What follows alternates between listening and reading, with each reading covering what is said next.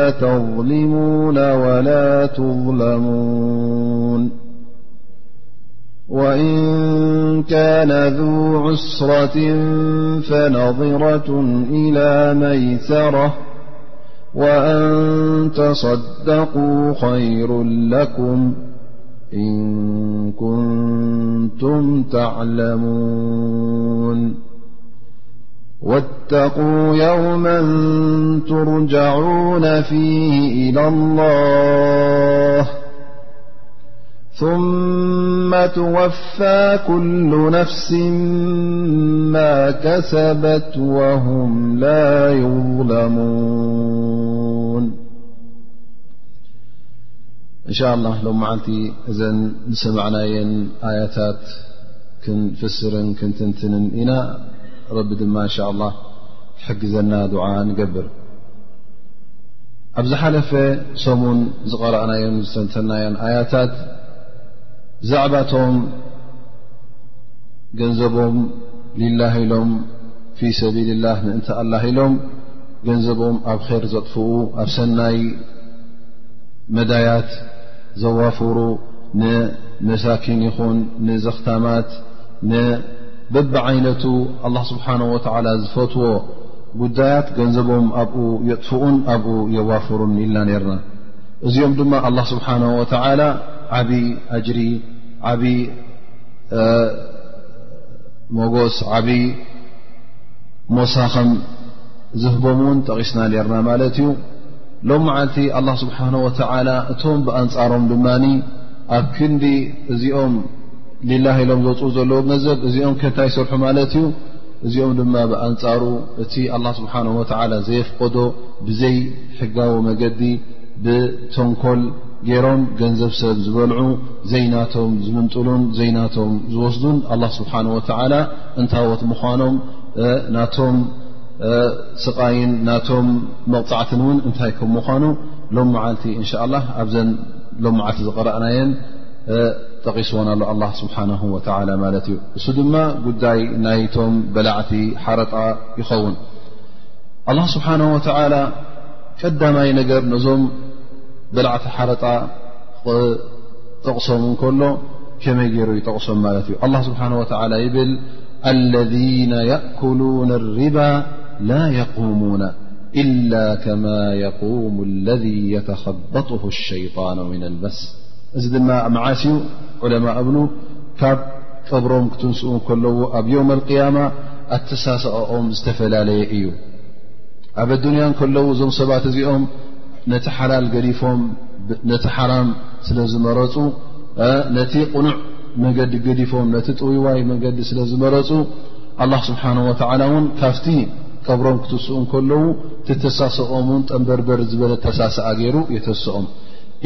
ላ የقሙና ቶም ሓረጣ ዝበልዑ ቶም በላዕቲ ሓረጣ በላዕ ሓረጣ ክበሃል እከ ናይ ግድን በሊዕዎ ማለት ኣብ መግቢ ጥፍእዎ ማለት ኣይኮነ እቲ ሓረጣ ወሲዱስ ምግቢ ገይርዎ ማለት ኣይኮነን ወይ ከዓ እቲ ሓረጣ ዝውሰድ ምግቢ ክኸውን ኣለዎ ግድን ኣይበሃልን እዩ እንታይ ደኣ ገንዘበይ በሊዑ ንክትብል ከለኻ ወሲድዎ ማለት እዩ ድሕሪኡ ይብላዓዮ ይስተዮ ንመፃወ ትግበሮ ይመርዓወሉ ገዛ ስራሓሉ እዚ ኩሉ ተበሊዑ ማለት እዩ ስለዚ ግን ስለምንታይ ኣላ ስብሓን ወላ ያእኩሉና ኢሉ ምኽንያቱ ሓታ ቲ ቋንቋ ትግርኛ ውን ተዳርእናዮ ገንዘበይ በሊዑ ንክትብል ከለኻ ግዴታ ኣይኮነን በሊዕዎ እንታይ ደኣ መንጢሩካ ማለት እዩ ዘይ ናቱ ንከሎ ኣሕዲጉካ ማለት እዩ ቲ ኣብቲ ቋንቋ ዓረብ እውን መብዝሕት ግዜ እቲ ብዝያዳ ወዲ ሰብ ገንዘብ ንምንታይ እዩ ዘርዮ እንተ ውሑድ ገንዘብ ኣለዎ ኣብ ምንታይ ዘጥፍኦ ኣብ ብልዕን ኣብ መስተን እታ ቀዳመይቲ ጉዳይ ንዑ ተድርዮ እታ ናይ ከብዱ ስለ ዝኾነት እታ ከብዲ ድማ ኣብ ሕማቕ ነገራት ተውድቖ ስለ ዝኾነት ምእንቲ ክበልዕን ክሰትን ናይ ገዛ ናይ መርዓ ናይ ካልእ ተግባራት እዚ መመላእታ እዩ ግን እታ ቐንዲ ነገር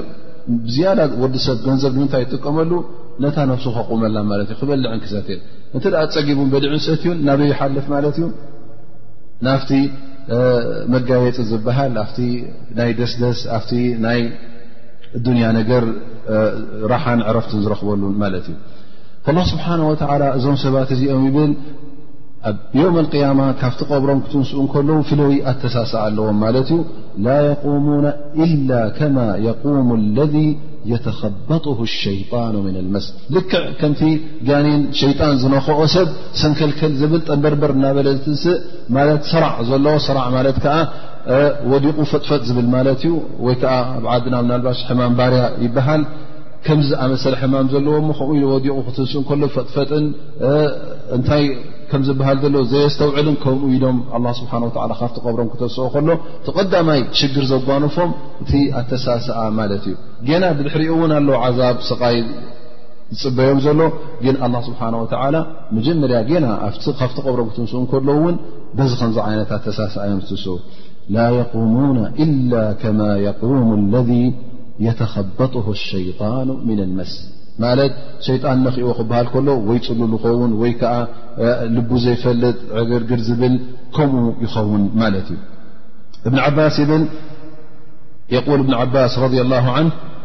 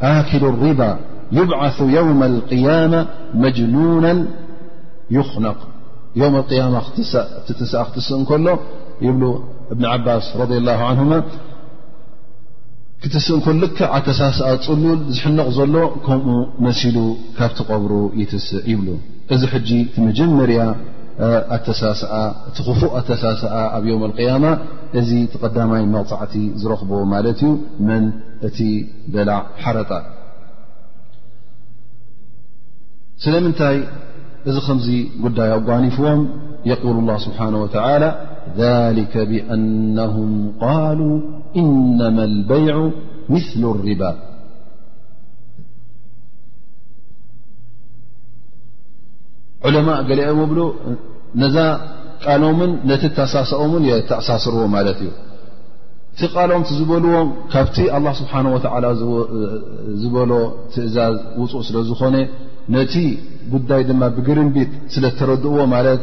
ንሪባ ንሓረጣ ልክዕ ከም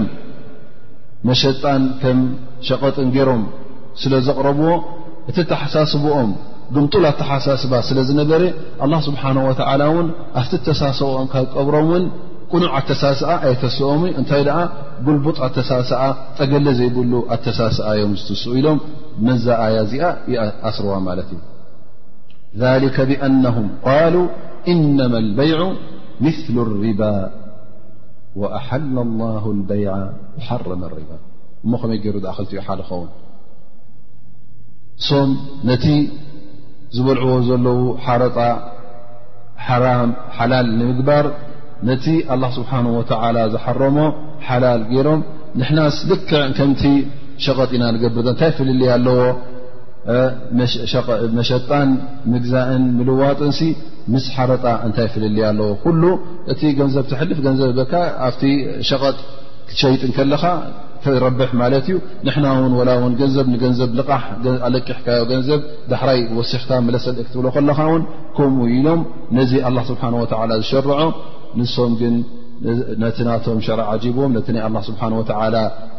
ነፂጎም ሓራም እዩ እናበለ ከሎ ኣላ ስብሓን ወተዓላ እሶም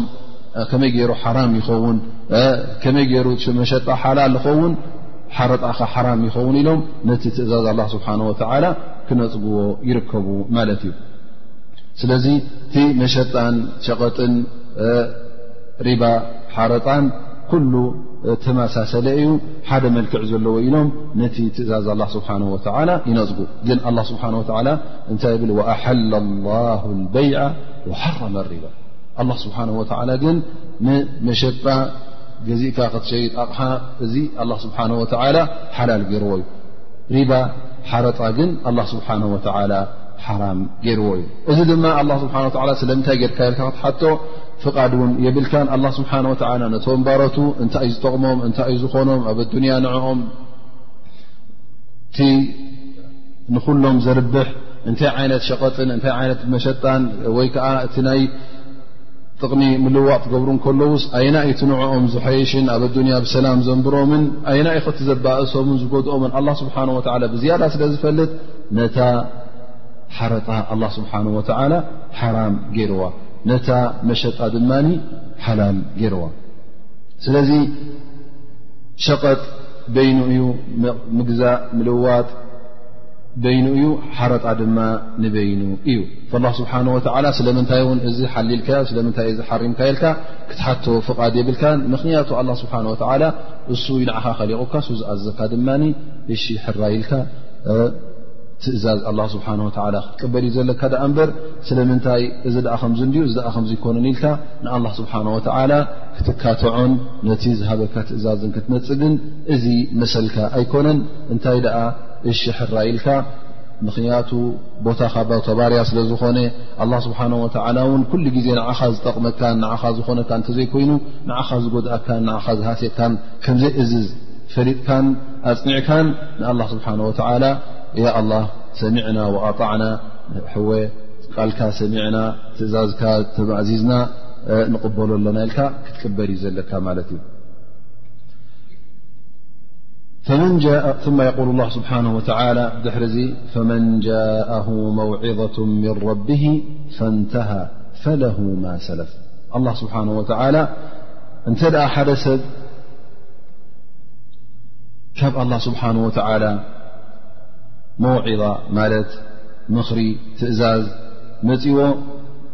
ኣላህ ስብሓን ወተዓላ ሪባ ሓራም ምዃኑ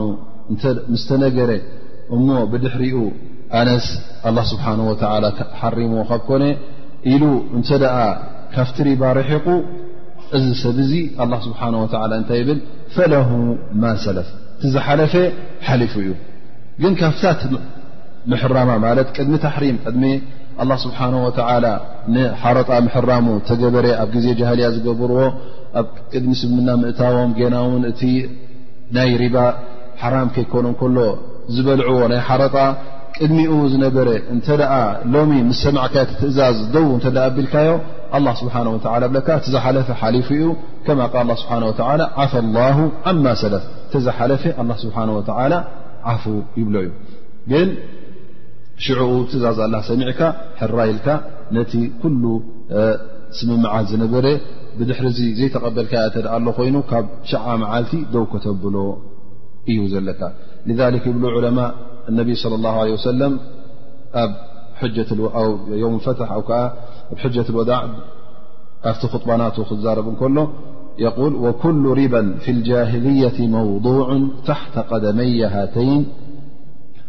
ወኣወሉ ሪባን ኣضዕ ሪባ ዓባስ ነቢ صለ ላه ለ ወሰለም እቲ ክጥባ ናቱ ክዛረቡ ከለዉ ኩሉ ኣብ ግዜ ጃህልያ ዝግበር ዝነበረ ሪባ ሓረጣ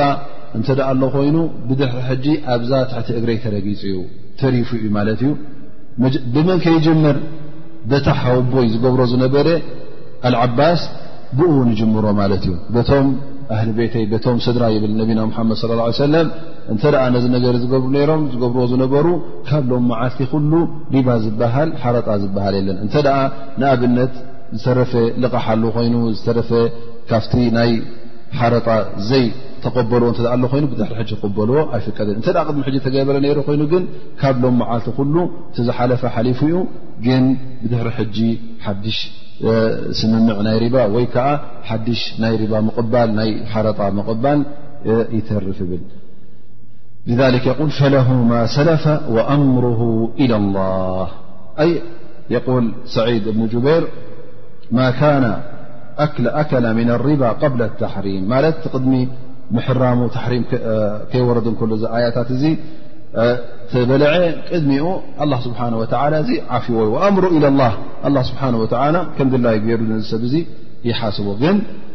ትእዛዝ ምስ መፀካ እንታይ ክትገብር ኣለካ ማለት እዩ ካብዚ ጉዳይ እዚ ክትርሕቕ ኣለካ ፈለሁ ማ ሰለፈ ኣምር ኢላ ላህ ወመን ዓድ እዚ እናሰምዐ እዚ ትእዛዝ እናፈለጠኸ ካብ ኣላ ስብሓን ወተላ ሓራም ምዃኑ ትእዛዝ ምስ ወረደ እንተ ደኣ ናብቲ ናይ ቅደም ዝገብሮ ዝነበረ ግዜ ጃሂልያ ኣብቲ ጌጋ ኣብቲ ናይ ሓረጣ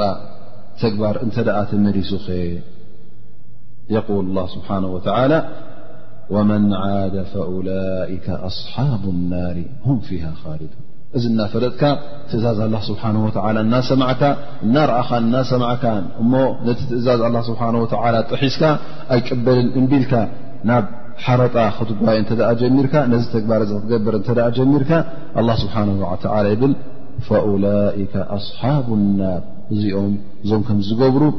እቶም ሰብ እሳት ንእሳት ዝኣትዉ ሰባት ንሓዊ ጀሃንም ዝኣትዉ ሁም ፊሃ ኻሊዱን መዋእሎም ውን ኣብኣ ክነብሩ እዮም ኣብዚ ኣያ እዚኣ ጠብዓ ኣላ ስብሓን ወተላ እቶም በላዕቲ ሓረጣ ጠቒሱ ግን ኣብ መጨረሻ የቁል ስብሓን ወተላ ፈኡላይከ ሁም ልኻሊዱን እሞ እንተ ሓደ ሰብሲ በላዕ ሓረጣ እንተ ኮይኑስ ኣብ ጀሃነም መዋእሉ ዲ ክነብር ኢልካ ትሓትት ትኸውን እንታይ እና ንምልስ ላ ስብሓን ወላ ብዛ ኣያ ሕጂ ፈውላይከ ም ልካሊዱን እዩ ዝብ ዘሎ እንታይ ማለት እዩ ሃል ውሕና ትንፈልጦ እንተ ኣዘም ሓደ ሰብ ወላ ከባኢር ዘም እተ ገይሩ ሃል ይኸለድ ፍናር ኣውላ ኣስላማይ እተ ኮይኑ ሙእምን እተ ኮይኑ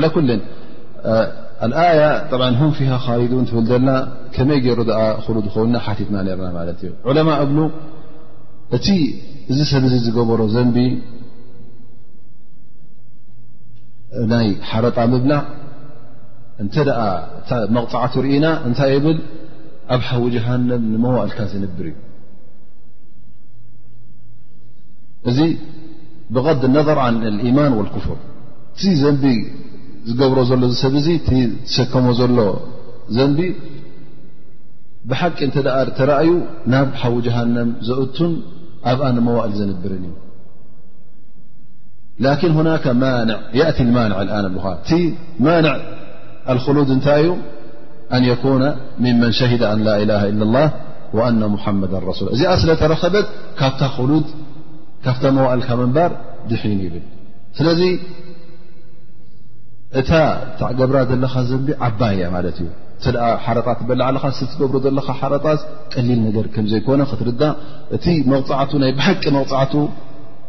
ሓዊ ጀሃንም ንምዋእልካ ዘነብር እዩ ግን ኣላ ስብሓ ተ እተ ሙእምን ኮንካ ስላ ኮንካ ካብቶም ሸሃደት ኣላ ኢላ ላ ዘብሉ ዝሰግድ ፀውም ተደኣነካ ኮንካ ግን በዚ ገይሩ ካብቲ ክሉ ጌትሕነካ ግን እቲ መቕፃዕቲ ኣይተርፈካን ማለት እዩ ስለዚ ከቢድ መቕፃዕቲ ከም ምኳኑ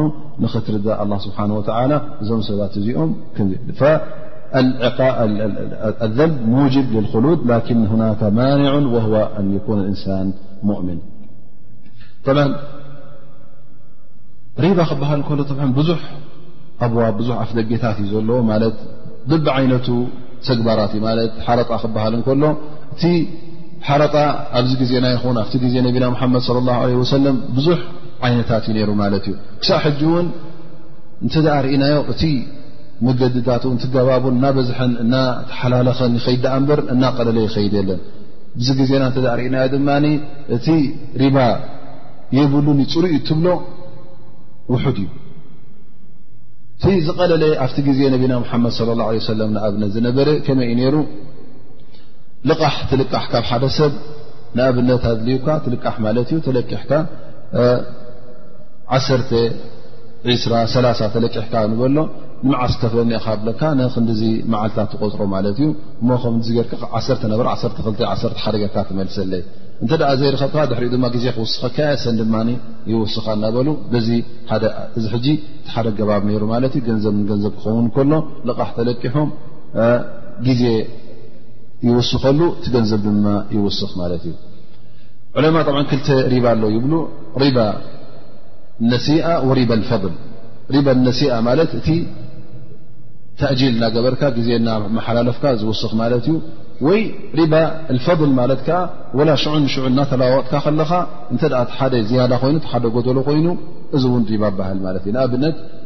ኣብቲ ግዜ ነቢና መሓመድ ስ ሰለ ዝነበረ ኣተምር ብተምር ተምርን ብተምሪ ክትለዋወጥ ከለኻ ልክዕ ሓደ ኪሎ ሓደ ስፍሪ ብሓደ ስፍሪ ጌርካ ክትልውጥ ኣለካ ወና ውን ዓይነቶም ይፈላለ ማለት እዚ ፅሩይ ተምሪ ዩ እዚ ቁሩብ ነቓፅ ተምሪ ዩ ረሳሕ ተምሪ ኢልካ ንኡ ዝያዳ ክትሰፍር የብልካን እንተ ደኣ ብፅሩይ ተምሪ ዘይብልካ ኮይኑ ሕማቕ ተምሪ ነሩካ ሞኒ ጥዑይ ተምሪ እተ ደሊኻ መጀመርያ ነቲ ሽጥ ይብሉ ልክዕ ከምቲ ቢላል ረድ ላሁ ን ሓደ ግዜ ነቢና ሓመድ ስ ሰለም ፅቡቕ ተምሪ ሒዙሎም መፅ ማለት እዩ ፅቡቕ ተምሪ ሒዙሎም ምስ መፀ ካይድ ኣምፅካ ዝተምሪ ዙ ኢሎም ይሓትዎ ላ ረሱ ላ ነስ ክልተ ስፍሪ ኣ ስፍርን ፈረቓን ዝኾና ሕምቕ ዝበላ ተምሪ ነራ ራኒ ከይደብሹቕ ብሓንቲ ስፍሪ በዚአን ለዊጠ እየን ነቢ ስ ሰለም ብጣዕሚ ሰንቢዶም ማለት ዩ ተቆጢዖም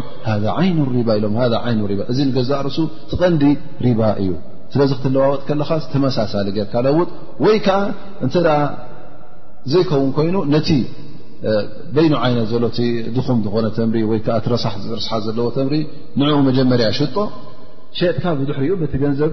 ድላይካ ግዛእ ስለዚ እዚ ሓደ ኣገባብ ማለት እዩ ሪበልፈضል ማለት ተምሪ ንተምሪ ኮይኑ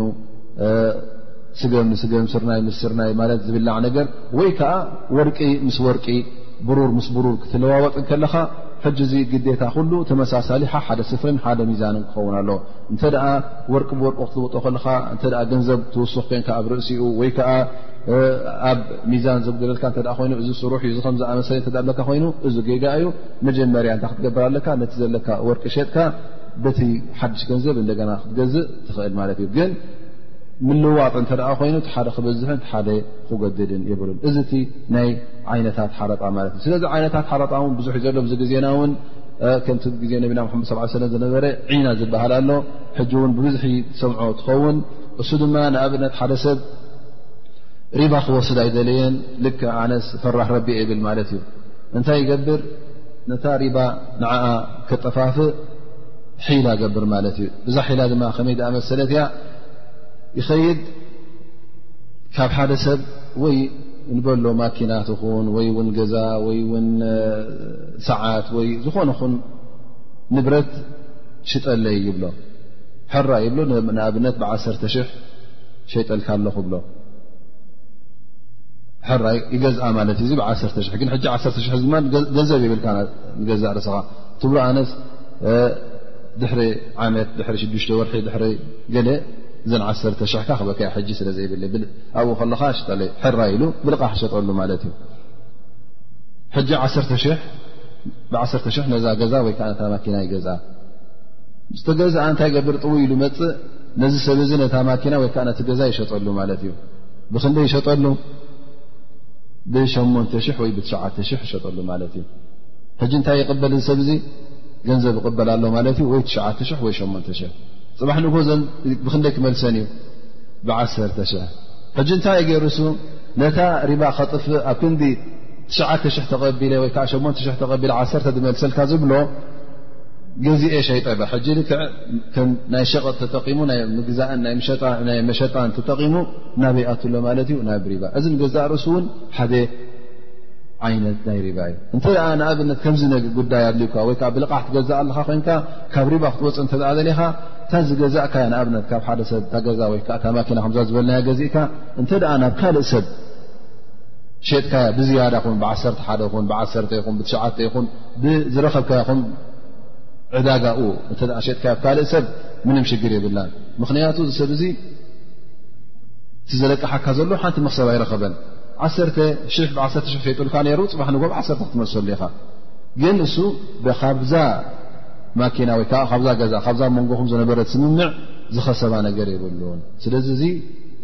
እቲ ሸሪዓዊ ኣጋባብ ይኸውን ግን ብዙሕ መብዛሕቱ ሰብ ኣብዚ ከምዝኣመሰለ ጌጋ ይወድቕ ማለት እዩ ስለዚ እቲ ሪባ እውን ብዙሕ እዩ በቢ ዓይነት እዩ እቲ ዘንብታቱ እውን ተፈላለየ እዩ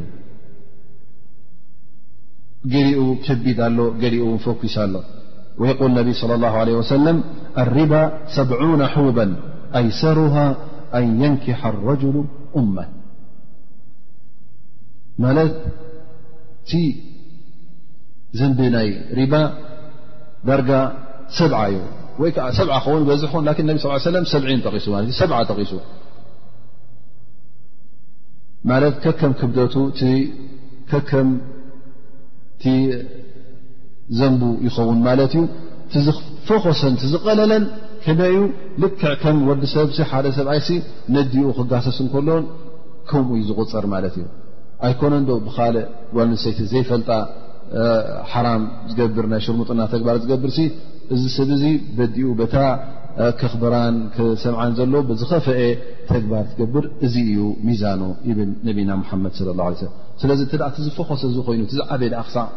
ክንደይ ክኸውን እዩ ስለዚ ኣላ ስብሓን ወላ ከምታ ዝሰማዕና ከምታ ኣክር ኣብዛ መጨረሻ ኣያ ካሊዱን ዝበለ እቲ መቕፃዕቱ ዓብ ከም ምኳኑ እተ እታ ዝነኣሸት እዚኣ ኮይና ትዝዓበየ ድኣ ክሳዕ ክንደይ ክኸውን እዩ እሞ ብሓቂስ ኣላ ስብሓን ወተዓላ እቲ ዘንብናቱ ኣብ ሓዊ ጀሃነ መዋእልካ ዘንብር ከም ምኳኑ ዝጠቐሰልናስ እዚ ስለ ዝኾነ እዩ ኣብቲ ናይ ሪባ ጉዳይ እውን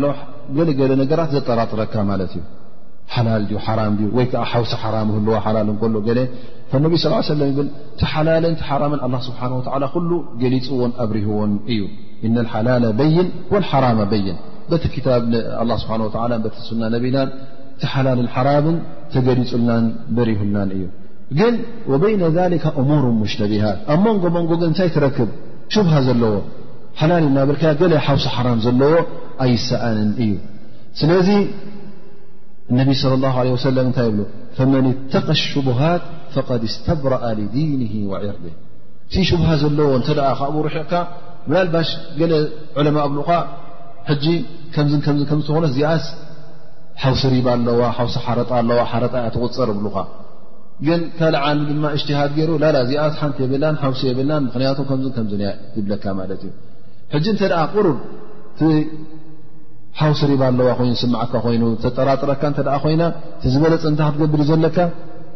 ካብኣ ክትርሕቕ ኣለካ ፈመን ተቐ ሽቡሃት ኣይ ጀዓለ በይነ ወበይናሃ ውቃያ ኣብ መንጎኡን ኣብ መንጎኣን መከላኸሊ ዝገብር ማለት እዩ ካብቲ ሽቡሃ ዘለዎ ካብቲ ዘጠራጥር ነገር እተ መከላኸሊ ጌርካ ካብኡ ርሕቕካ እተ ተኸላኺልካ ፈቐድ ስተብረኣ ሊዲን ወዒርዲ እዚ ሰብ እዚ ነታ ዲኑ ናፃ ኢልዋ ማለት እዩ ካብ ሕማቕ ነገራት ኣርሒቕዋ ግን እንተ ኣብዚ ከም ዝኣመሰለ ሹብሃ ዘለዎ ዝጠራጥር እንተ ወዲቕካኸ ወመን ወቅዓ ፊ ሽቡሃት ወቅዓ ፊ ልሓራም ሎም መዓልቲ በዚኣ ትጅምራ በታ ሹብሃ ዘለዋ ፅባሕ ንግሆ ኣበይ ትጎተካ ኣፍታ ቀንዲ ሪባ ኣፍታ ቀንዲ ሓረጣ ተእትወካ ማለት እዩ እነቢ ስ ሰለም ነዚ ነገር እውን ክምስልዎ ከለዎ እንታይ ኢሎም ይምስሉ ከራዒ የርዓ ሓውለ ልሒማ ማለት ሓደ ሰብ ወይ ሓደ ጓሳ ሰን ዝጓስየን ዘሎ ጠለበጊዕ ኹን ወይ ን ከብቲ ሒዙ ኣብ ጥቓ ሕዛእቲ ኮይኑ ከውዕለን እከሎ እንታይ እዩ ዝገብር ዘሎ ዝሰብ እዙ ወይ ከዓ ኣብ ጥቓ ግራት ናይ ሰብ ኮይኑ ኣብቲ ጥቕኡ ኣብቲ ደንደሱ ኣብቲ ደረት ቀሪቡ ኣብኡ እንተ ደኣ ክጓሲ ጀሚሩ ወይ ከዓ ነተን ጥሪቱ ኣብኡ ፈኒዎን ኣብኡ ክበልዓ እተ ጀሚረን ፅንሕ ኢለን እንታይ ይገብራ እየን ድቕድቕ ክብላ እየን ኣብቲ ሕዛእቲ ምኽንያቱ እሱ ለምለም እዩ ገና ኣይተቐረበን ትግራት እውን ቦቒሉ ለስ ዝብሎ ይሪኦ ኣለዋ ተኺለን ተጎቲተን ናብኡ ክኣትዋ እየን እስኻ እውን ልክዕ ከምኡ ትገብር ኣለካ ማለት እዩ ሕጂ እቲ ጥቃኡ እቲ ደንደስ ትፀንሕ እሞ እቲ ናይ ሪባ መኽሰብ ገንዘብ ኣለዎ ብዙሕ ኣለዎ ምስ ረኣኻ ድማ ናበይ ትሃርፍ ማለት እዩ እንደገና ናብኡ እውን እታ ኣዱንያ ስሒባ ናብኡ ተውድቐካ ማለት እዩ ስለዚ ተጠንቀቕ ልክዕ ከምዚ ጓሳ ዘይተኹን ከራዕ የርዓ ሓውለልሒማ ዩሽኩ ኣን የቃዓ ፊ ስለዚ ኣብ ክ ነቢ ስ ሰለ ከም ዝበልናዮ ዳዕ ማ የሪቡካ ኢለ ማ ሪቡ እቲ ኩሉ ግዜ ዘጠራጥረካን ወስዋስ ዘእትወልካን ንዕኡ ግደፎ ናበይ ተወጃህ ናበይ ገፅካ ግበር ናብቲ ዘየጠራጥረካን ናብቲ ሸክ ዘየብሉን ናብኡ ኪድ እዚ ኩሉ እንታይ ሸክ ዘይብሉ ሓላል ኢልካ ትሪኦ ናብኡ ድኣ ኪድ ዳኣ እምበር እቲ ቁሩብ ጥርጥራ ዘለካ እዚ ቁሩብ ናይ ሓራም ኣለዋ እዚ ቁሩብ ሓረጣ ኣለዎ ወይ ከ እዚስ ቁሩብ ከምዚ ኣለዎ ትብሎ እተ ኮይኑ ነታ ዲንካ ንፅህትን ፅርትን ክትሕዛ ካብኡ ረሓቕ ብካልእ ትገብሮ ዘንቢ ኣክለካ ብካልእ ትኣትዎ ጌጋታት ይኣክለካ እሞ እቲ ዘጠራጥርሲ ረሓቕ ዳኣ ካብኡ እ ኣብ ዝባንካ ዘሎ ኣብ ሕቆካ ዘሎ ዘንቢ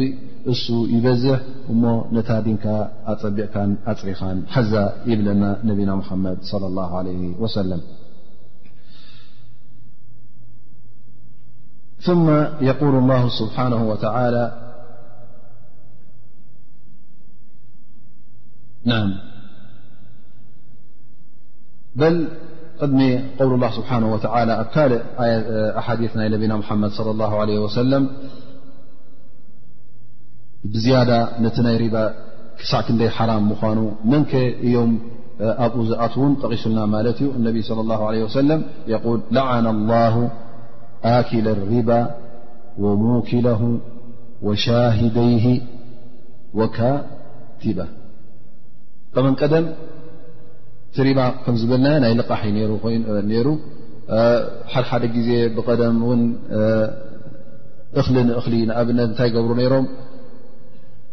ጌና ሓደ ሰብ እኽሉ ኣብ ግራቱ እንከሎ ወይ ከዓ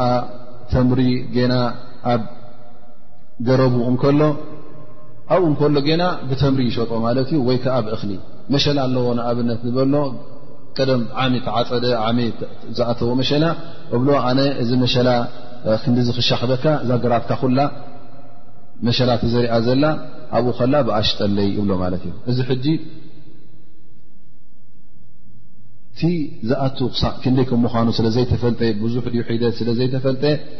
ሕጂ ከምዚ ገይሩ በቲ ንቑፅ ክሸይጥ እንከሎ ነቲ ርሑስ ገና ትሸዊት ዘሎ ገና በቲ ናይ ዓሚ ክሸጦ እንከሎ እቲ ሚዛኑ ዝተፈላለየ ስለ ዝኾነ እቲ ብዙሑ ፍልልይ ስለ ዘለዎ እዚ ሕጂ ኩልኩል እዩ ነይሩ ማለት እዩ እዚ ሕጂ ካብቲ ቀደም ዝጥቀምዎ ዝነበሩ ናይ ሪባ ኣገባብ እዩ ምናልባሽ ኣብዚ ግዜና እውን ኣብቲ ሃገረሰባት ዘራእቲ ዘለዉ ከምኡ ዝገብር እውን ኣይሰኣን ንኸውን ነዚ ነገር ገብሩ ከለዉ ጠ ቀደም ምናልባሽ ይፅሓፍ ነይሩ ኸውን ክፅሕፉ ከለዉ ሕጂ ምሰኻኽር ይግበር ወይ ከዓ ዝፅሕፎ እውን ኣሎ እቲ ድማ ሪባ እቲ ዝያዳ ዝወስድ ኣሎ እቲ ድማ ካባኻ ዝያዳ ወሰደካ ኸውን ንስኻ ተለቂሕካ ትኸውን ነቢ ስ ሰለም ኩሎም ኣብቲ ዘንቢ ሓደ ከም ምኳኖም ይጠቕሰልና ኩሎም ካብቲ ራሕመት ላ ስብሓን ወላ ካብቲ ርህራሀ ኣላ ስብሓን ወተዓላ ካብኡ ስጉጓት ምዃኖም ኣላ ስብሓን ወተዓላ ብጣዕሚ እተቆጥዓሎም ከም ምዃኑ ኣላ ስብሓን ወተዓላ እውን ነዞም ሰባት እዚኦም ዓብ ዘንቢ ከም ዘለዎም ብዚ ቃል ነቢና ሙሓመድ ለ ላ ለ ሰለም ርአ ለዓና ላሁ ኣኪለ ሪባ እቲ ሪባ እቲ ሓረጣ ዝበልዕ ከምኡ ውን ወሙውኪለሁ እቲ ዘብልዕ እውን ገንዘብካ እናኸፈልካ ከለኻ ውን እዳጎደለካ ከሎ እንተ ፈትኻ ትኸፍል ኣለኻ ከይተገደድካ ልክ ኣብኡ ትኣቱ ማለት እዩ ወሻሂደይ እቶም መሰኻኽር እውን ቀደም ክልተ መሰኻኽር ዩ ዝግበር ነሩ ብኦም ይግበር ነይሩ ማለት እዩ እንተ ስለዝተ ኣርባዕተ ኮይኖም እውን እቲኦም ክልተ ጥራይ ኣይኮኑን ዘንበኛታት ወላ እውን ሚእቲ እተ ኮይኖም ቶም መሰኻኽር ኩሎም ኣትዮም ማለት እዮም ወካቲበሁ እቲ ዝፅሕፍ ዘሎ ማለት እዩ ስለዚ ኩሉ ኣብቲ ናይ ሓረጣ ጉዳይ ዝሳተፍ ኩሎም እትዋት ማለት እዮም ስለዚ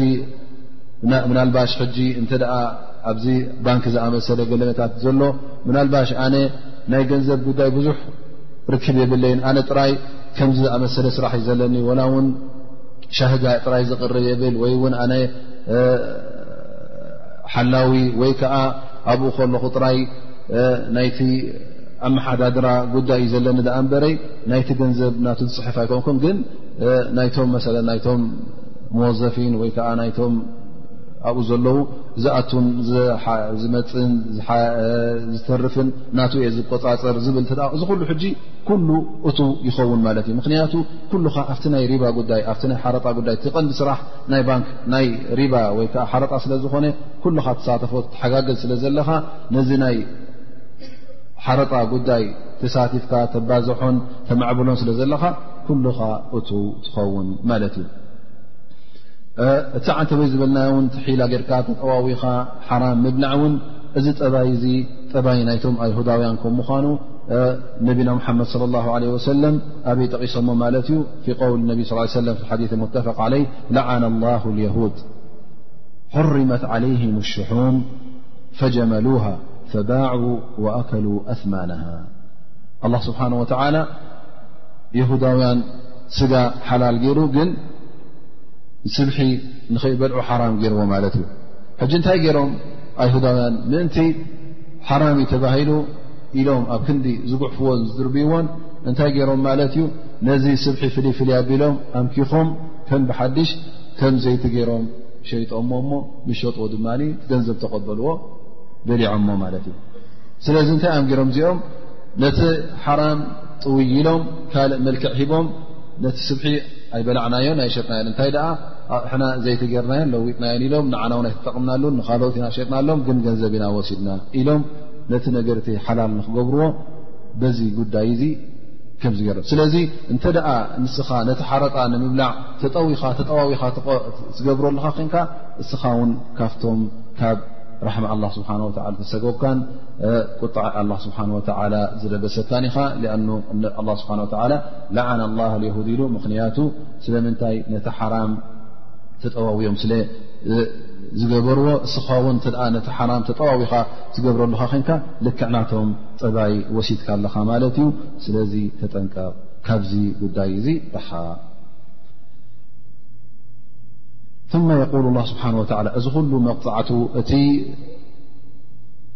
ጌና ካብ ቀብሪ ክትስእ ከለኻ ዝጓንፈካ መቕፃዕቲ ርኢና የልና ማለት እዩ እንደገና ኣላ ስብሓን ወተዓላ እውን ትሪባ እውን እንታይ ዓይነት ጉድለት ከም ዘለዉ እውን ኣብዚ ኣያ እዚኣ ይገልፀልና ማለት እዩ የቁል ላ ስብሓን ወተላ የምሓቁ ላሁ ሪባ ወዩርቢ ሰደቃት ወላሁ ላ ይሕቡ ኩለ ከፋርን ኣም ኣይ ኣላ ስብሓን ወተላ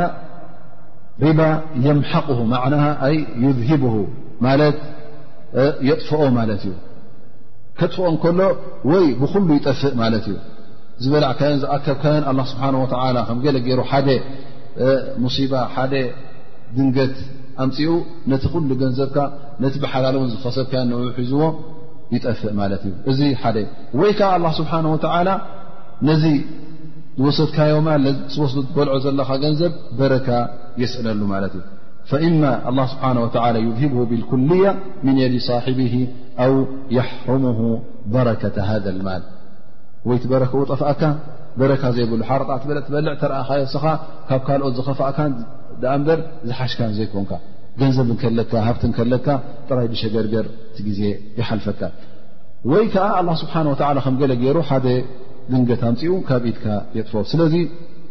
ወላ ሓንቲ ጥቕሚ ኣይትረኽበሉን ወላ እውን እተተሰደቕካሉ ድማ ኣጅሪ ትረኽበሉን ኢኻ ብሓረጣ ዝወሰድካዮ ገንዘብ እተ ሌላ ሃልካ ንመሳኪን ኣውፅእካዮ ኣጅሪ እውን ኣይትረኽበሉ ኢ ዘንቢ እንተዘይኮይኑ ኣጅሪ ኣይትኸስበሉን ኢኻ ስለዚ እቲ ቀዳማይ ነገር ኣላ ስብሓን ወተዓላ እቲ ኣብ ኣዱንያ በረካ የብሉ ር የብሉ ኣብ ኢድካ ኣይውዕል ኣብ ኢድካ ውን ፋይዳ ኣይትረኽበሉ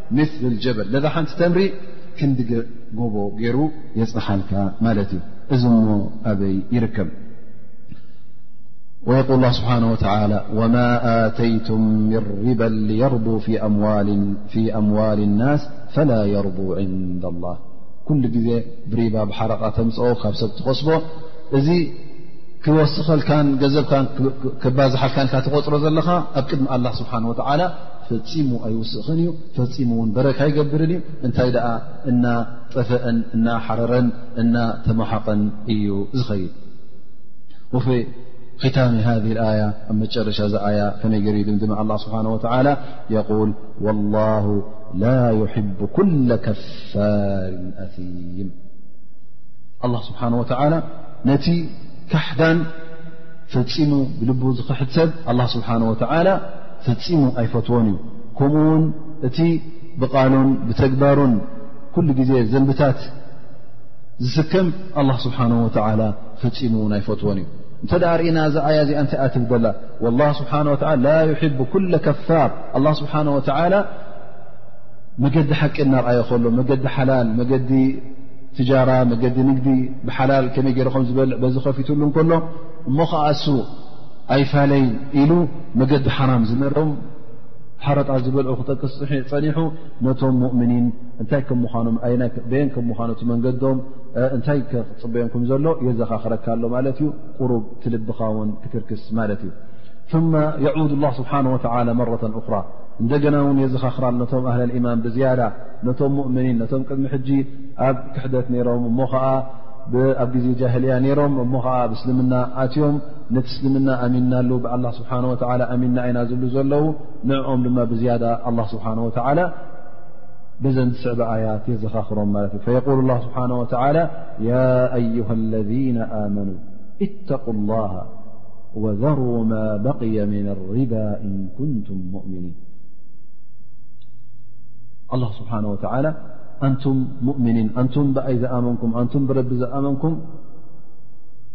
ኢተቁ ላ ንኣላ ስብሓን ወተዓላ ፍርህዎ ትእዛዛቱ ተኸታተልዎ ኢተቁ ላሃ ኣብ መንጎኹምን ኣብ መንጎ እቲ ስቓይ ኣላን ስብሓን ወተዓላ መከላኸሊ ግበሩ ትእዛዛቱ ስምዑ ወዘሩ ማ በቅያ ምን ኣሪባ ማለት እቲ ተሪፉ ዘሎ ሓረጣ ድሕሪ ሕጂ ኣይትሕተትሉ እንተ ደኣ እዚ ትእዛዝ ምስ መፃእኩም ገለ ዘይተኸፈልኩምዎ ነርኩም ኮንኩም እሞ ኸዓ ዝተሪፉ ዘሎ ሓረጣ እንተ ኮይኑስ ኣይትቀበልዎ ቅድሚ ሕጂ ኢልና እተተቐበልኩሞ ምንም ሽግር የብሉን ኢልና ነርና ማለት እዩ ኣብዚ ኣያ እዚኣ ግን ድማ እንታይ የርእና ኣሎ ማለት እዩ እንተ ዘይተቐበልኩሞ ኣሎ እዚ ቀደም ጌና ከይተሓረመ ከሎ እዩ ተስማሚዐ ነይር ኢልካ ክትቅበሎ የብልካ ኣይ እትርኩ ማ ለኩም ዓላ ናስ ምና ዝያድ እንኩንቱም ሙእምኒን ብሓቂ ሙእምኒን እተ ኮይንኩም ብሓቂ ብኣላ ስብሓን ወላ ተኣምኑ በቲ ኣላ ስብሓን ወላ ዝሸረዓልኩም በቲ ኣላ ስብሓን ወ ዝኣዘዘኩም በቲ ኣላ ስብሓን ወ ሓላልን ሓራም ዝበለልኩም ብኡ ብሓቂ ተኣምኑ እንተ ደኣ ኮንኩም እቲ ተሪፉ ዘሎ ሪባ ግደፍዎ ኣይኮነን ዶ ገና ሙእሚና እናበልኩም ሓድሽ ናይ ሪባ ናይ ሓረጣ ስምምዕ ክትገብሩ ኣብ ባንክ ክትፈራረሙስ ገና እቲ ቅድሚ ሕጂ ዝገበርኩሞ ተረፍ እንተ ደኣ ኣሎ ኮይኑስ ኣይትቀበልዎ ይብል ኣሎ ኣላ ስብሓን ወላ እዛ ጉዳይ እዚኣ ይብሉ ዑለማء በኒ ዓምሩ እብኒ ዑሜር ካብ ቀቢላ ካብ ተቒፍ ዝበሃሉ ነይሮም ከምኡ ውን በኒ ሙራ ዝበሃሉ ካብ በኒ መኽዙም ነይሮም ማለት እዮም ካብ ክልተ ቀቢላ ማለት እዮም ሕጂ መንጎኦም ገና ኣብ ግዜ ጃሂልያ እንከሎ ልቓሕ ነይሩ ማለት እዩ እቲኦም ካብቲኦም ተለቂሖም ነይሮም ማለት እዩ ሽዑ እቲ እስልምና ኣብ ጀዚራ ኣብዚ ዓዲ ዓረብ ኩሉ ምስ ተዘውተረ ፈለማ ጃ እስላም ኩሎም ኣብ እስልምና ኣትዮም ማለት እዩ ኣብ እስልምና ምስ ኣተው እቶም ተቒፍ በኒ ዓምር ሪባ ነይርዎም ማለት እዩ ገለ ካብቲ ዝተረፈ ናይ ቀደም ዴን ነይሩ ማለት እዩ ሕጂ ተዘራሪቦም ማለት እዩ ከምዚ ከምዚ ነሩና ቅድሚ ሕጂ ንእውደኩም ኢና እሞ ሃቡና ይብልዎ ማለት እዩ እቶም በኒ ተቒፍ ነቶም ኣለቂሖሞም ዝነበሩ ንበኒ መክዞም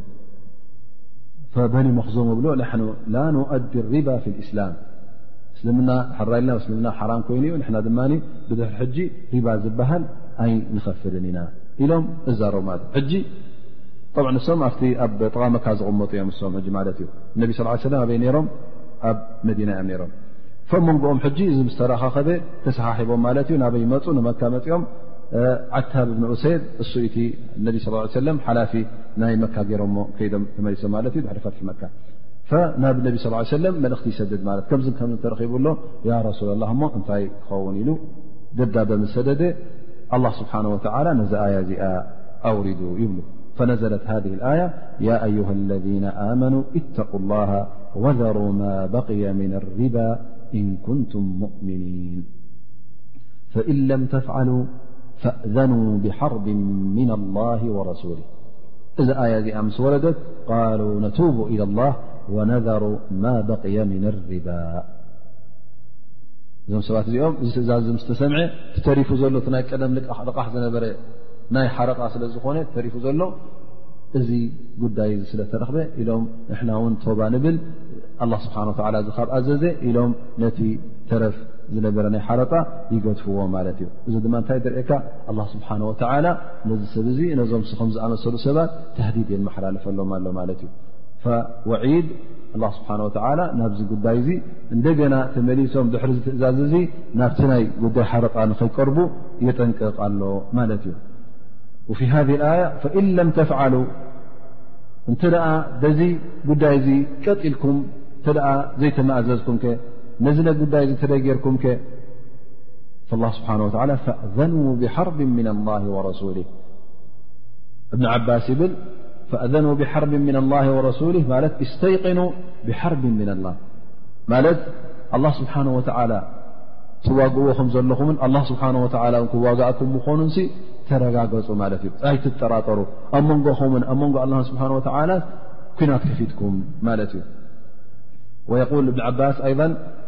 የቃሉ የውመ ልቅያማ ሊኣክል ሪባ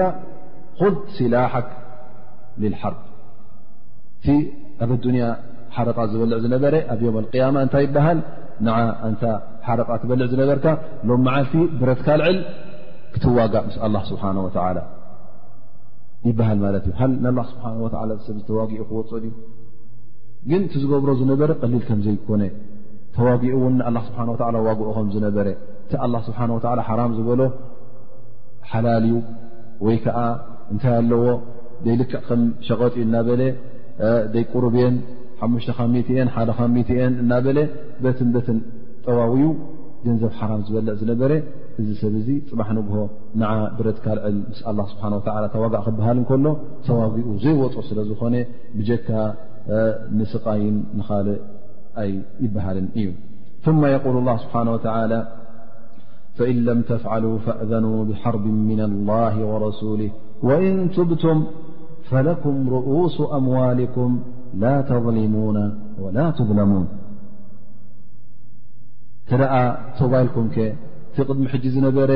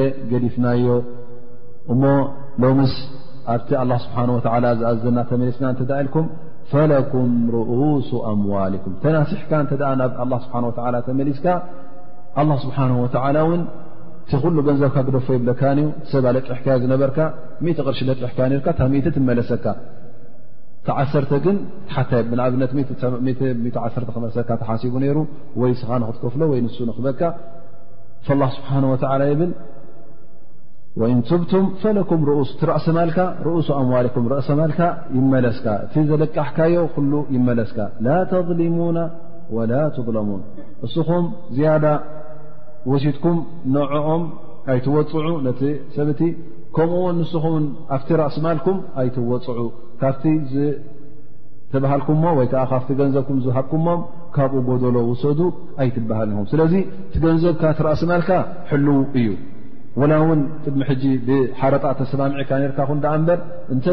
ቶባይልካ ነቲ ጉዳይቲ ገዲፍካዮ ናብቲ ራእሲ ማልካ ኣይትኽልከልን ኢኻ እቲ ራእሲ ማልካ ትዋሃብ ኢኻ ማለት እዩ እንሻ ላ ድሕሪ ኣዛ ንምላ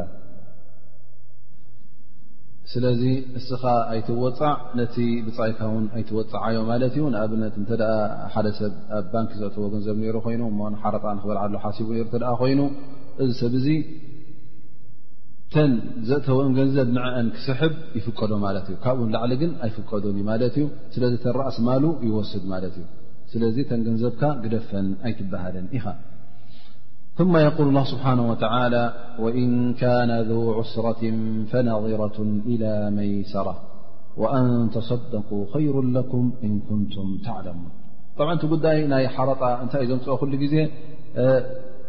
ናይ ልቓሕ ጉዳይ ስለ ዝኾነ ተለቂሑ ድማ ዝሰብ ዚ ክኸፍል ስለ ዘይከኣለ ኩሉ ግዜ እቲ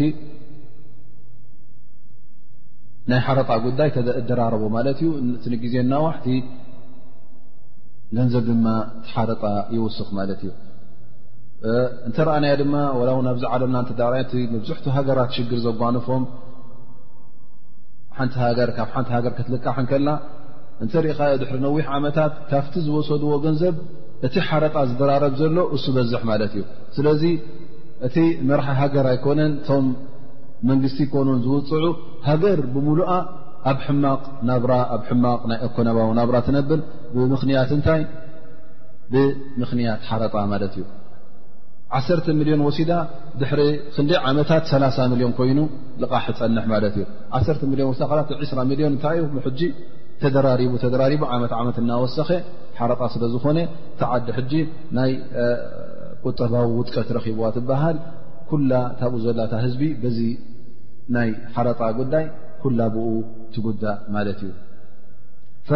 እነቢ ስ ስብሓ ወ ኣብዚ ኣያ እዚኣ እንታይ ብል እንተ ሓደ ሰብ ክኸፍል ዘይከኣለ ጉድለት እተ ኣለዎ ኮይኑ ድኽመት እተ ኣለዎ ኮይኑ ክሳዕ ረቢ ዝኸፍተሉስ ሰብሪ ክትገብር ኣለካ ፀንሓሉ ኣለካ ወእን ካነ ذ ዑስረት ፈነظረة إላ ማይሰራ ፈነظራ ኣይ እንትዛር ተፀበዮ ማለት እዩ ክሳዕ ላ ስብሓን ወተላ ዘርህወሉስ ተፀበዮ ዑስራ እንተ ፅበት ኣለዎ ኮይኑ እተ ናይ ኢድ ሕፅረት ኣለዎ ኮይኑ ድኽነት ኣለ ኮይኑ ከፍል ዘይከኣለ እንታይ ግበር ክሳዕ ኣላ ስብሓን ወተላ ዘርህወሉ ተፀበዮ ኣ ኣብቲ ግዜ ጃህልያ እንታይ እዮም ዝብ ነሮም ሓደ ሰብ ተለቂሑ ኣብቲ መዓልቱ እንተ ዘይከፈለ እንታይ ይብሎ እማ ኣን ተቕዲ ኣው ኣን ትርቢ ወይ ክፈለኒ ወይ ወስኽ ግዜ ክውስኸካ ወስኸኒ ማለት ዝያዳ ወስኽ ስለዚ ስለ ዘይብሉ ክኸፍል ስለ ዘይከኣለ ላስ ድሕሪ ሽዱሽተ ወርሒ ብሎ ድሕሪ ሽዱሽተ ወርሒ ክንዚ ክውስኸካ ይብሎ ማለት እዩ ከምኡ እናበለ እቲ ጉዳይ ይባዛሕ ማለት እዩ ላ ስብሓን ወተላ እዚ ጉዳይ እዚ ክግበር ስለዚ ከምዘይብሉ ኣብዚ ኣያ እዚኣ ይጠቕሰና ወእን ካነ ذ ዑስረት ፈነظረة ኢላ መይሰራ ተፀበዮ ወኣን ተصደق ኸይሩ ለኩም እን ኩንቱም ተዕለሙን እቲ ዝሓሸ ቲ ዝበለፀን ድማ እተ ሓደ ሰብ ክኸፍለካ ዘይከኣለ ድኽመት እተ ኣለዎ ሕፅረት ናይ ኢ ኣለዎ ኮይኑ ድኽነት እተ ኣለዎ ኮይኑ ሊላ ኢልካ እቲ ኩሉ ክትገድፈሉ ከለኻ ድማ እቲ ዝበለፀን ቲ ዝሓሸን እዩ ንዓኻ ዝበለፀ ፅባሕ ንግሆ ዝጠቕመካ እዩ ስብሓ ወላ ናበይ ውጅሃና ኣሎ ማለት እዩ ኩሉ ግዜ ናብቲ ር ናብቲ ሰናይ ይውጅሃና ኣሎ ኣብ ክንዲ ንሰብ ተፃብበሉ ነቲ ዘይረኸበ ብሓረጣን ብካልእን ተፃብበሉ ወላ እውን እንተ ዘይብሉ ኮይኑ ድኽመት ናይ ገንዘብ ኣለዎ እተ ኮይኑ ድኽነት ኣለዎ እተ ኮይኑ ሕፅረት እተ ኣለዎ ኮይኑስ ሊላ ኢልካ ተሳማሕካዮ ድማ እዚ ብዝያዳ ሰደቃ ሕሰበልካ ኣጅር እውን ትረኽበሉ ረዋ ልእማም ኣሕመድ عن سليمان بن بريدة عن أبيه قال سمع النبي صلى الله عليه وسلم يقول من أنظر معصرا فله بكل يوم مثله صدقة ثم ال سمعته يقول من أنظر رافث قلت سمعتك يا رسول الله تقول من أنظر معصرا فله بكل يوم صدقة ثم سمعتك تقول من أنظر معصرا فله بكل يوم مثلاه صدةأ قال انبي صلى اله ليه سلم له بكل يوم مثله صدقة قبل أن يحل الدين فإذا حل الدين فأنظره فله بكل يوم مثلاه صدقة ني ت ሓደ ካብቶም ኣስሓብ ነቢ ስ ሰለ ነቢና ሙሓመድ ለ ላ ሰለም ይብሉስ ሓደ ግዜ ሰሚዐዮም ሓደ ሰብ ካባኻ ተለቂሑ እሞ ክኸፍለካ እንተዘይከኣለስ ኣብ ኩሎ መዓልቲ ሎም መዓልቲ መዓልታዊ ማለት እዩ ናብ ነት ሽሕ ቅርሺ ኣለቂሕካ ንበል ነዚ ሰብ እዙ እሞ ሎሚ ከፈለካ ንፅባሕ ከምኡ እናበለ ቀፂሉ ትጉዳይ ፈነቢ ስ ሰለም ኢሎም ኣበየ መዓልቲ ናይ ሽሕ ቅርሺ ሰደቃ ኣለካ ማለት እዩ ነዚ ሰብ እዚ እተ ሕራ ኢልካ ፅባሕ ድሪ ፅባሕ እናበልካ ኣመሓላሊፍካሉ በዚ መዓልትታት ተመሓላልፈሉ ዘለኻ ልክዕ ከምታ ኣለቂሕካያ ዘለኻ ከም ኣጅር ኣለካ ከም ልክዕ ሰደቃ ከም ዘውፃእካያ ትቁፅር ክብሉ ሰሚዑ ካልእ ግዜ ድማ ከመይ እንታይ ክብሉ ሰሚዑዎም ኣበየ መዓልቲ ኣብ ክንዲ ከምታ ሽሕ ቅርሺ ክልተ ሽሕ ትሕሰበልካ ማለት እዩ ሕጂ እሱ ከመይ ኣዛ ጉዳይ ኢሉ ናብ ነቢና ሓመድ ስ ክልተ ሽሕ ድያ ተቁፅር ወይከዓ ክልተ ዕፅፊ ድያ ተቁፅር ወይስ ሓንቲ ኢሉ ናብ ነቢና ሓመድ ለ ላ ለ ሰለም ይቐርብ ማለት ያ ረሱላ ላ ኣነስ ከምዝን ከምዝን ሰሚዐ እሞ ከመይ እዩ ሓንሳእ ልክዕ ከምታ ዘለቃሕካዮ ከምኣ ሰደቃ ትቁፅረልካ ኢልኩም ሓንሳእ ድማ ድርብ ክንዲ ክልቲኣ ክትብሉ ሰሚዐኩም ያ ረሱላ ላ እሞ ከመይ ኢሉ ይሓትት ፈነቢ ለ ላ ሰለም ይብል ልቓሕ ክትልቃሕ ከለኻ ሕጂ ንኣብነት ቆፅረኻ መዓስ ክብ ክተምፃኒ ኢኻ ድሕሪ ወርሒ ድሕሪ ክልተ ወርሒ ክሳዕታ ቆፀራ ትኣክል እንታይ ኣለካ ኢሉ ልክ ኣብ መዓልታዊ ከምታ ሽሕ ቅርሲ ለቂሕካ ዘለኻ ልክ ክን ደኣ ሰደቓ ተውፅእ ኣለኻ ማለት እዩ ከማ ትሕሰበልካ እታ መዓልቲ ምስ ኣኸለትከ እሞ ብድሕሪኣ ፍታ መዓልቲ ይምፃልካ ሰብ ዙ ተሸጊሩ ኣይከኣለን እሞ ገለ ወስኸኒ ቁሩብ ፅንሓኒ ኢሉካ ወሲኽካዮ እንደገና ካብዛ መዓልቲ እዚኣ ድር ትሕሰበልካ ይብሉ ነቢና ሓመድ صለ ላ ለ ወሰለም እዚ ሕጂ እቲ ሰብ ገንዘብካ ዝምለሰካ እንከሎ ክሳዕ ክንደይ ኣጅሪ ሕሰበልካ ከም ዘሎ ርአ ኣብ ክንዲ ሳንቲምን ወዲ ሳንቲምን ቅርሽን ወዲ ቅርሽን ኣኻኺብካ ንዕኡ ትፅበ ኣላ ስብሓን ወተላ ሽሕ ቅርሺ ደቂሕካዮ መዓልታዊ ሽሕ ቅርሺ ተውፅእ ዳሕራይ እንተ ደጒካ ውን እንደገና ተደሪባ ደሪባ ከምኡ ቢላ እቲ ኣጅርኻ ይድርብን ይዛይድን ስብሓ ወላ እቲ ኣዋብ ር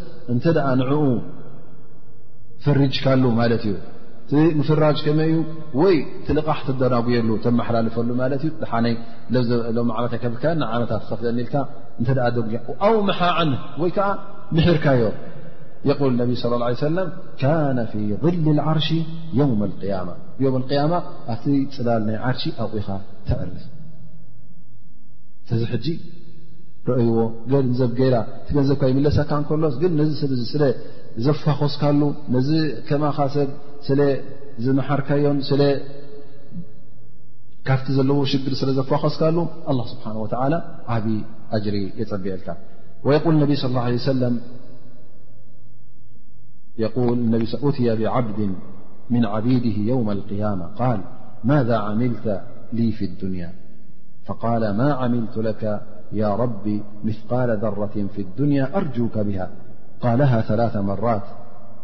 قال العبد عند آخرها يا رب إنك كنت أعطيتني فضل مال وكنت رجلا أبايع الناس وكان من خلق الجواز فكنت أيسر على الموسر وأنظر المعسر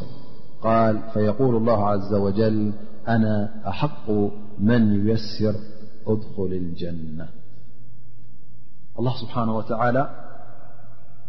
ኣብዛ ሓዲስ እዚኣ ንሓደ ባርኡ ኣብ ዮም ቅያማ ካብቶም ባሮቱ ይፅውዖ ማለት እዩ ይብሎ ኣንታ ባርያይ እንታይ ጌርካለይ ንዓይ ሌላ ልካ ዝገበርካዮ ነገር እንታይ ኣሎ ብዱንያ ኢሉ ይሕተት እዚ ሰብ እዚ እንታይ ኢሉ ይምለስ ኣንታ ረቢ ኣነስ ንዓኻ ኢለ ሌላ ኢለ ዝገበርክዎስ ኣብ ዮም ቅያማ ዝጠቕመኒ ዝብል ሲ ኣይዝክርን ዝገበርኩ ኣይመስለንን ፈነቢ ስብሓን ወተዓላ ሰለስተ ሻዕ ይሓቶ ማለት እዩ ግለ ድኣ እንታይ ጌርካ ሕጂ ፍታ መጨረሻ እንታይ ይብል ኣፍታ ናይ መጨረሻ ያ ረብ ኣነ እታ ዝገበርኩ እንተ ኣላ ኮይና ኣነ እንታ ረቢ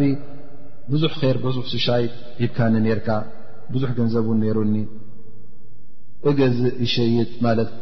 ሸቃጣ እየ ነይረ ካብቲ ጠባያይ ድማ ካብቲ ባህርያተይ ሓደ እንታይ ነይሩ እንተ ሓደ ሰብ ወላ እውን ሃፍታም ኮይኑ ንዕኡ እውን ኣየካብደሉን ስለምንታይ ደኪፈልካ ኒኢለ ኣየፃበበሉን ኣብ ዝሃበኒ ሕራ ኢለ ይቕበሎ ወእንظሩ ሙዕስር እንተ ደ ሓደ እውን ድኻ ኮይኑ ክእለት ዘይብሉ ኮይኑ እውን ንዕኡ ድማ ኣናዊሒ ግዜ ይህቦ ነቲ ሃፍታም ይኹን ነቲ ድኻ ይኹን ንኩሎም ብሰናይ ተግባር እየ ዝርኦም ነረ ይብል ማለት እዩ ኣላ ስብሓን ወላ እንታይ ብል ፈየቁሉ ላ ዘ ወጀል ኣነ ኣሓቁ መን ዩየስር ኣነ የ እቲ ብዝያዳ ንወዲ ሰብ ዝፋኹስን ሰናይ ዝገብር እስኻ ዝኩሉ ሰናይ ትገብር ርካ ተፋኹስን ርካ ኣነ ድማ ካባኻ በልፅ ብዝያዳ ሞኒ እስኻ እዚ ኩሉ ብጀካ እዚኣ ሓንቲ ነገር ዘይገበርካ ንኣላ ስብሓ ወ ዘይገበርካ እዚኣ ካብ ገበርካ ኣነ ድማ ጀና እቶይለካ ኣፍኲሰልካ ኣለኹ ምሒረካ ኣለኹ እስኻ ትማሊ ኣብ ዱንያ ነቶም ሰብ ትምሕር ዝነበርካ ኣነ ውን ካባኻ ብዝያዳ መሓሪ ስለ ዝኾንኩ ካባኻ ብዝያዳ ኣፎኻስ ስለ ዝኾንኩስ ንጀና እቶ ይብሎ እዚኣ ሕጂ ትርእዋ ኣለኹም ቀላል ነገር እያ ጥራይ ኣብ ክንዲ ሎሚ ፅባሕ ኣሕሊ ኣመሓላሊፍካ ኣሉ ክንዲ ደብ ዘበን ንዓመታ ክፈለኒ ኢልካያ እታ ገንዘብካ ንክትመፀካ ከላስ ግን ነዚ ሰብ ስለ ዘፋኾስካሉ ፅባሕ ንክ ካብቲ ናይ ዮም ቅያማ ዘሎ ሽግር ካብቲ ኣብ ዓዛ ኣብ ቀብሪ ይኹን ኣብ ዮም ቅያማ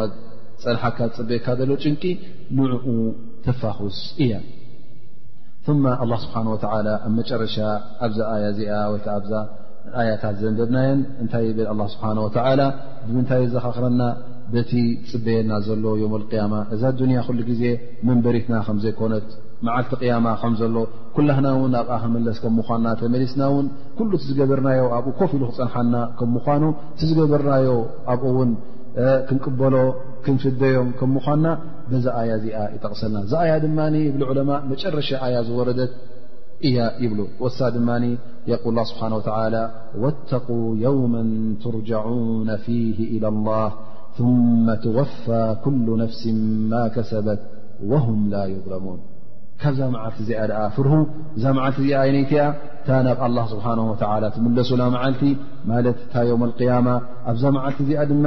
ትወፋ ኩሉ ነፍሲ ማ ከሰበት እቲ ዝገበረቶን ዝኣከበቶን ዝኸሰበቶን እሱ እያ ትኽፈል እሱ ዩ ዝፅበያ ዘሎ እሱ እያ ትፍደ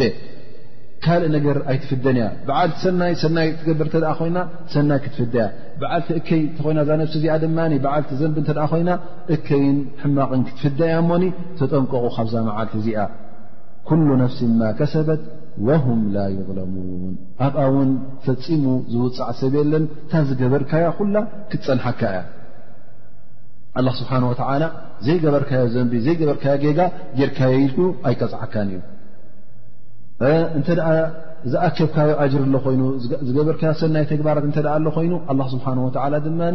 ፈፂሙ ወላ ውን ክንዲ ዘራትኹን ኣየጉድለልካን እዩ እተን ዝገበርካዮ ንመሰልካ ቲ ሓቂ ትኼር ኮፍ ኢሉ ክፀንሓካ እዩ እቲ ዝገበርካዮ እከይ እውን ኣላ ስብሓን ወላ ከይነከየ ከይወሰኸ ውን ኣላ ስብሓን ወላ ኣኪቡ ከፅንሓልካ እዩ እሰን እውን ኢኻ ትኽፈለን እንተ ጀና ዘእትዋ ኮይና ጀና ሒዘናኻ ክኣትዋ እየን እንተ ጀሃንም ጠብሳ ኮይና እውን ወልዕያዙ ብላ ንጀሃንም ክእትዋኻ እየን ስለዚ ናይ ሎሚ ደርስና እውን በዚ ይድምደም ክሳዕ ዕቃማ ዝግበር ድማ ከምቲ ልሙድና እንተ ገለ ወይ ሕቶ ኣሎ ኮይኑ ወይ እውን ኣብ ርእሲኡ ተንዝሓዝናየሎም መዓልቲ ፋይዳታት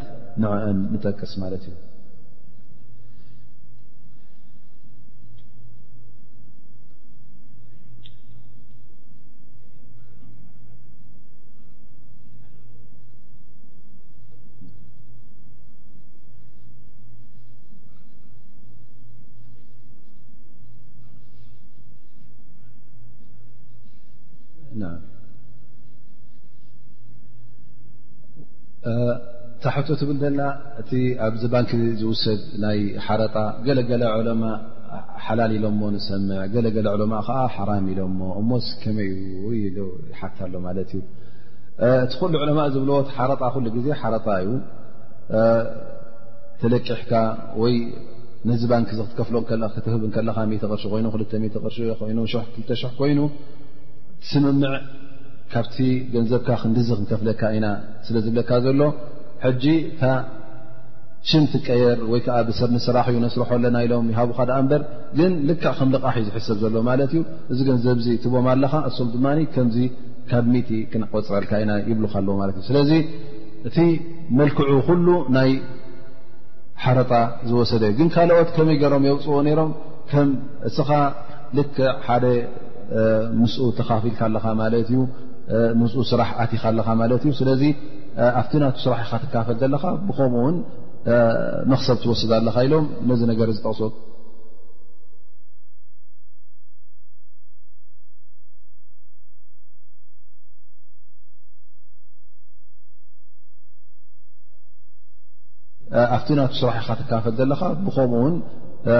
መክሰብ ትወስድ ኣለካ ኢሎም ነዚ ነገር ዝጠቕስዎ ግን እተ ርእናዮ ብሓቂ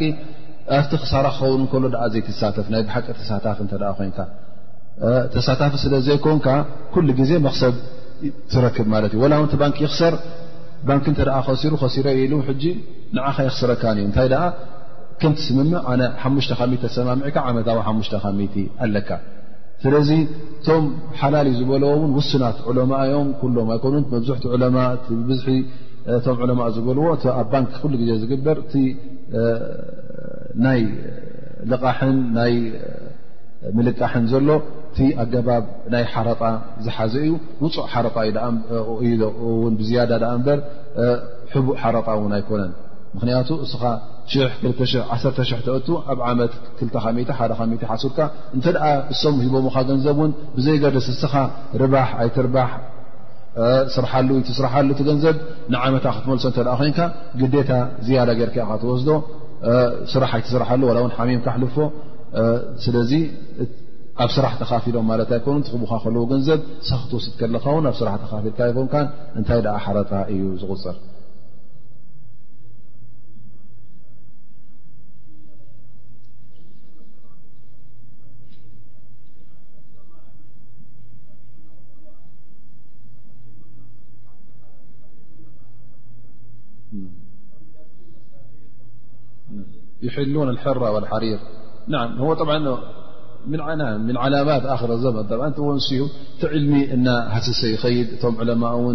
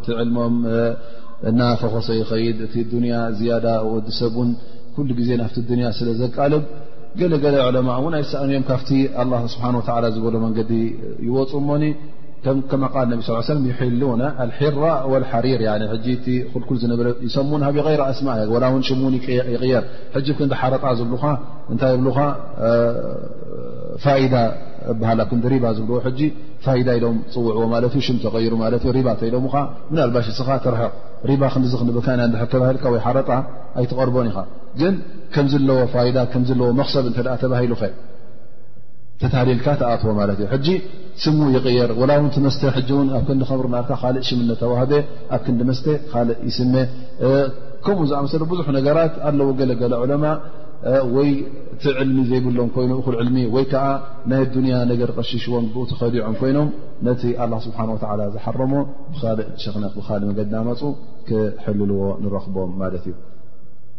ስለዚ ኢቃማ ክገብር ስለ ዘሎ ሸክና እንሻ ላ ኣብዚ ንድምድም ኣሰላሙ ዓለይኩም ወረሕመት ላ ወበረካቱ